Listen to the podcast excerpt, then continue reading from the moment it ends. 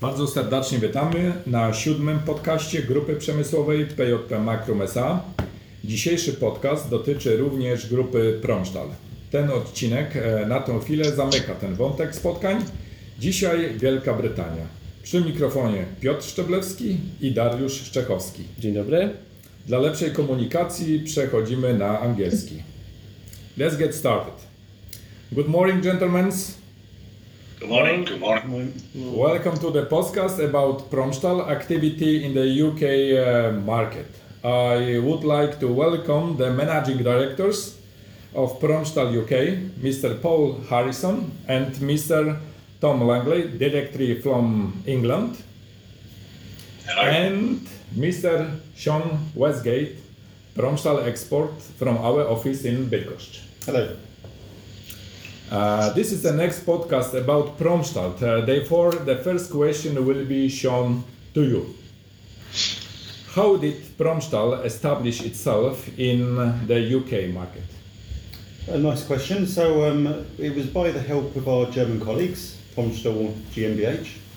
They took our brand to market, targeting the trade, and they did a very good job at building brand recognition using our benefits to our advantage. So we take advantage of being quite flexible in terms of how we produce our levelers, non-standard. So we are able to um, we are able to change our products to suit our clients' needs, and that's perfect for the trade.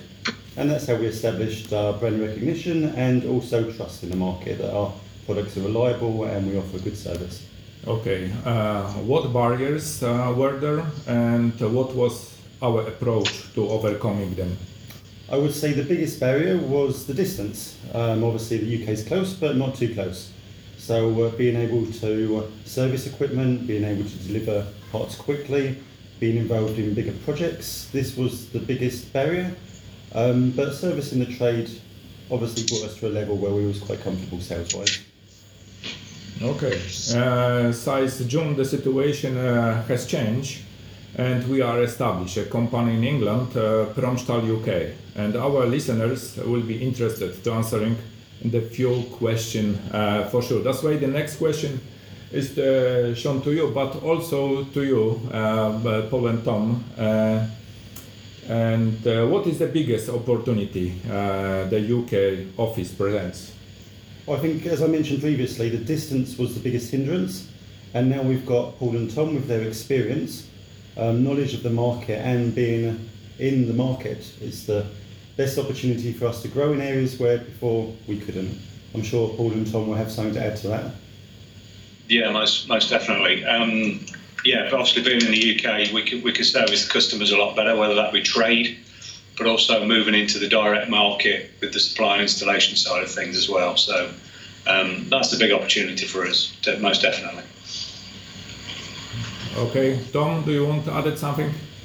Yes, yes, sure. Yeah, I think also, um, you know, even looking after our, our existing trade partners, we can obviously support them. Um, uh, being sort of more local, we can give them uh, sort of um, better support, um, and also we're looking to uh, to grow uh, that side as well um, with, with contacts we've got in the industry, but also just by being based locally, I think um, people are also feel more comfortable probably uh, dealing with us being based in the UK. Well, what we think, Tom, is a great adva- advantage for you is uh, your experience and your knowledge of the clients, yes, of the general contractors. This is the thing we can, we hope that will uh, have the great influence on our future and the prospects of the development for, for UK brand. Uh, that's why will be probably the next question uh, to you. Uh, please uh, tell us about yourself, of your experience in the industry. But for myself, um, I've been in the industry um, over 30 years. Um, 27 years of that, uh, I've been with the, the Hörmann Group. Um, started with Dynasteel in 1993. Uh, Hörmann actually bought them in 2002. Um, so quite a long time in the loading bay um, and industrial door market. With my my last role uh, with Hörmann was as projects director.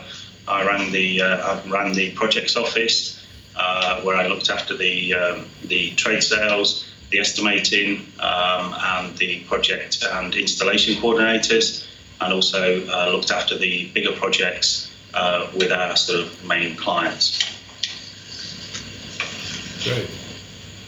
And you? My- Yeah, myself, um, I like like Tom with the Hörmann Group um, for over 18 years. Um, joined 2001, and by 2003, um, I was working in the industrial sector. Um, worked as a service manager, obviously dealing with a lot of the loading bay um, service customers, uh, and then moved into a sales role over my time there at Hörmann, and I looked after a lot of the um, a lot of the major clients, uh, the contractors. Uh, also, over my time, I looked after the trade as well. Um, yeah, so on the sales role. So, what, what would kind of happen would be, um, from a sales perspective, would, would be to sell a sell a project, sell a contract, and um, obviously with with the contractor, and that effectively would would be passed over to Tom, who would then project manage it and deliver it for for the contractor uh, and install it and see it all the way through and then ultimately it'd get handed over to the service team to look after it. So, um, yeah, um, yeah, vast experience. Obviously, um, myself and Tom within the industry. So, um, yeah, certainly looking forward to this challenge. It's certainly different. Okay. And uh, okay, the really great uh, experience in this industry. And what uh, was it? Uh, what attracted you to Promstahl? Uh, myself, um, obviously, I, I came over, um, as you're aware, to meet you Piotr, uh, a couple of years ago now. Um, I think the flexibility and the quality of the product and uh, the people as well. Um, I got a great welcome the first time I came over, and to see the setup that, that you got over there uh, and your plans uh, for the future of the UK and what you what you've effectively done with the German office.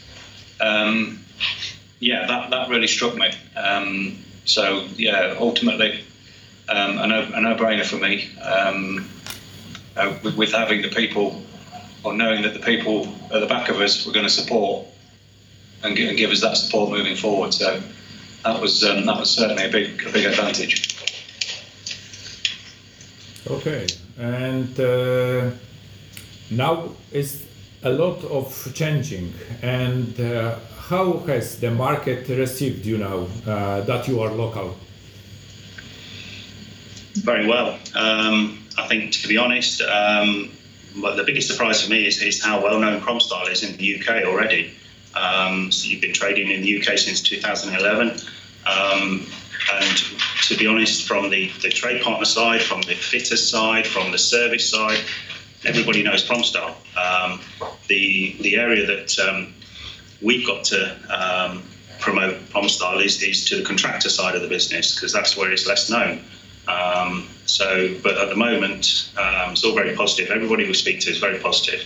Uh, even when we're talking to developers, we're talking to, to customers that uh, are probably European or global. They, they've come across Promstahl in another country. So again, it's, it's all very positive from, from our experience so far in the last six months.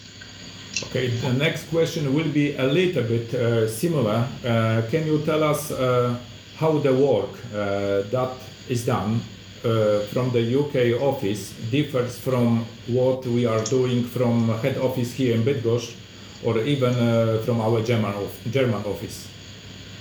Well, I, I don't think it's too dissimilar because ultimately, um, obviously, our time when we, we visited the German office, um, that's obviously certainly something for us to aim for, uh, how they're operating their business. Um, so, yeah, they, they're dealing direct with uh, the contractor and doing the supply and installation work, which is obviously is the area that, that, that, that we're pushing into and looking to develop. But they're obviously also dealing with, uh, with their trade uh, and, and supplying to their trade customers. Uh, where it differs slightly is obviously we're very much UK focused, uh, and obviously the German office and uh, the office in Poland uh, are dealing with other countries. So that, that's that's something that obviously we probably won't be um, be getting into. Maybe maybe Ireland going forward. Obviously, we're speaking to Shawn over the past few days. That, that that's that's a possibility. Um, but but certainly the, the trade and the contracting business um, is certainly something that we'll be following the German office with, and ultimately the service side as well. You know, there's a lot there's a lot of uh, growth for the service side of the business. We've, we've noticed that with just stocking parts here in the UK. We've, you know, they, they've they've started to move off the shelf. Uh, and ultimately uh, moving into the end user work with the service teams uh, and developing the service side. Um, you know, the, the, profit margins there within the service can, can, can be high compared to uh, supply of product. So that's uh, that's something that we're, we're looking to develop. And again, you know, looking at the, the, the German office and the way that they've got their service teams and their service side set up, you know, that, that's that's very positive and something for us to um, uh, to be positive about here in the UK. Okay. And if we look on the situation a little bit uh, more uh, general, uh, there is currently a lot of talk about Brexit, uh, with no one the wiser as to how current negotiation will end.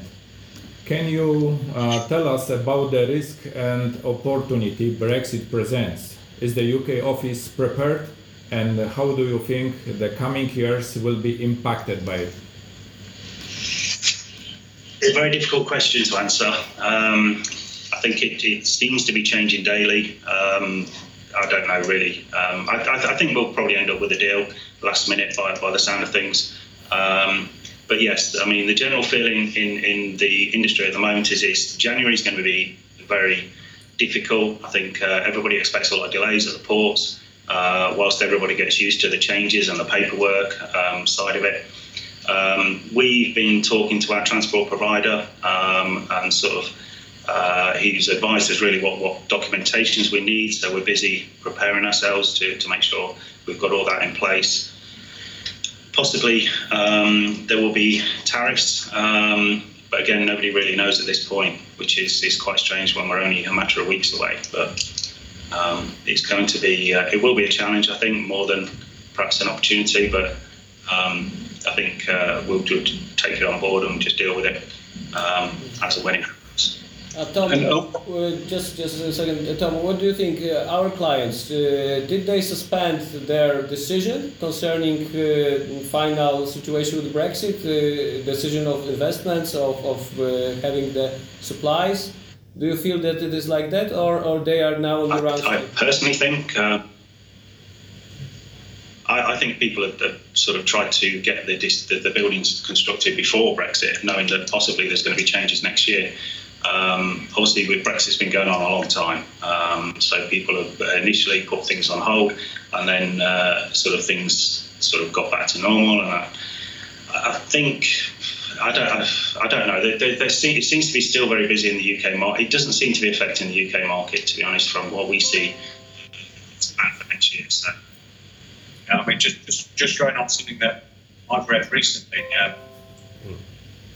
the logistics sector in the UK uh, this year is at the highest ever record take with 46.8 billion square feet of warehouse space. So that, that, that would suggest that things are not slowing down. Um, I mean, Savills, uh, obviously one of the world leading property agents, along with Property Week, who are a leading news magazine uh, for commercial in the commercial property market. Uh, they've recently did a, done a census, and the industrial and logistics sector, um, 25% of people say that there's no change to their business, uh, and 28% say, you know, with what's been going on with Brexit and COVID, is actually had a positive impact on their business. So it's strange that things that are reported as negative can actually have a positive impact on people we can say uh, the similar situation is the whole Europe uh, because yeah. of e-commerce, uh, the logistics center growing, and the business. What we see also in the uh, Europe, uh, especially France, uh, Germany, Poland, also the numbers of orders in the last two months is all, also the growing really fast. In Polish we say nie ma tego złego, co by na dobre nie wyszło. But now that should be translated. Okay, so in Polish we say that even there is there is something wrong in this business in this issue, it might be have a good result finally. Yes, quite. Yeah, yeah. yeah. I mean, this this census goes on. Um, there's lots of stats in there, um, but a couple of headline figures really. Um, 41% of occupiers still anticipate requiring more logistics space over the next two years. So they're, they're positive figures, um, and hopefully, you know, we can ride on the back of that. Yeah, true. Uh, that's why maybe another hot topic is COVID-19 and how it's affecting uh, everyday life. Uh, was there con- uh, concern about the starting the office in the middle of the year and how did this affect your startup? Well, um, it affected it slightly. Yes, initially we we delayed um, obviously the startup uh, with agreement with yourself that we delayed it by a month.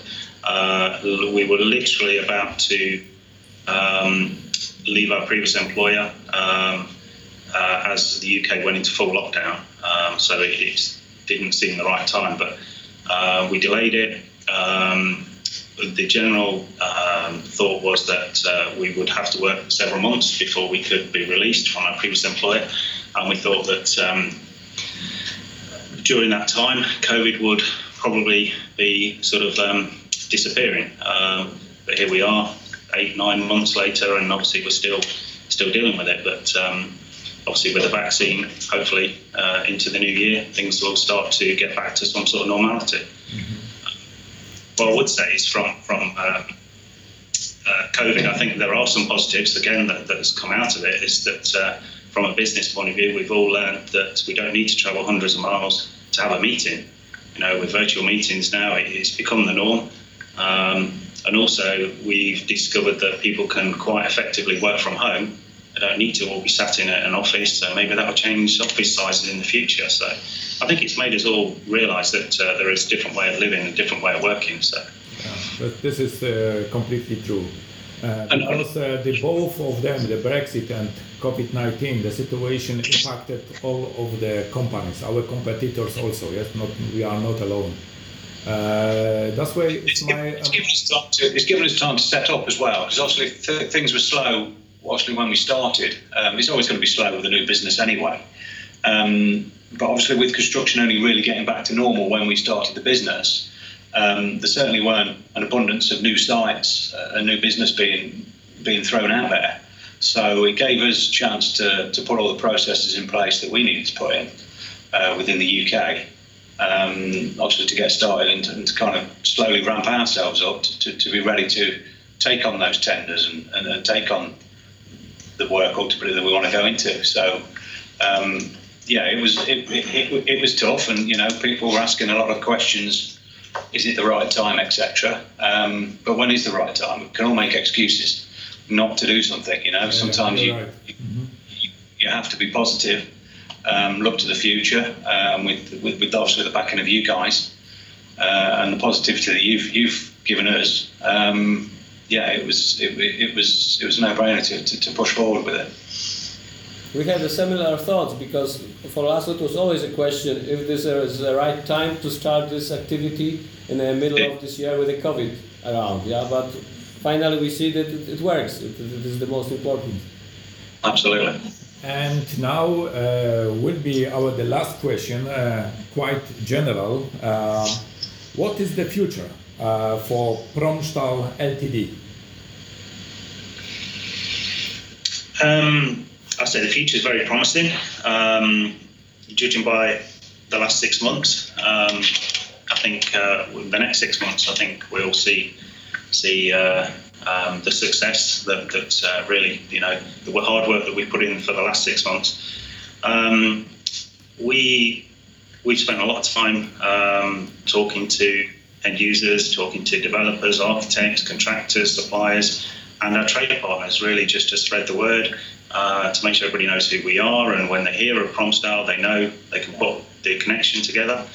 Um, for the UK office, we the plan is we, we had initially about a three year plan uh, to build uh, on a steady um, sort of steady progression uh, to put a strong business structure in place, um, and uh, we, we, well we see that um, uh, sort of happening quite naturally uh, with the, the, building the trade partners, sort of picking up the contractor business. Um, and putting a structure in place really to support that as, as we grow. Uh, the first thing we probably need is is, is a technician um, to support. So once we sell the product and we sell it with installation, we've then got to maintain it and look after it. So so it's, it's as that happens, that's that, you know it's, it's putting the right people in the right place as, as we grow.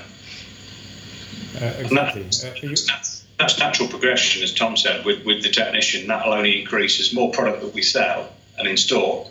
Ultimately, on the back of that comes the end user, who's, who's obviously um, taking the building. So um, that that service work comes as a matter of course of the, of the installation work that we do. So it's that's a natural progression and, and obviously a part of the business plan. So um, rather than go out there and, and just look for general service work, um, servicing every every man and his dog's equipment, um, which which everybody can do. Um, it, it's you know we got to we got to we got to concentrate on our own work uh, and and back up our own product before we start. Uh, okay, uh, you know our point uh, of view. Uh, everything should have uh, the time. Yes, but we are starting. That was really great job. Was to find the good connection with the contractors, our dealers, and to start it with the first inquiry and so on and so on. And this really looks uh, really good. Uh, and uh, will say uh, thank you very much for your interesting answers. Uh, that will be all for today. We are recording uh, the podcast in December 2020, so we wish you and our listeners Merry Christmas and Happy New Year 2021. And, and I wish you and us that we meet our expectation uh, to Promstal UK. Thanks a lot for today. Problem at all. Thank you.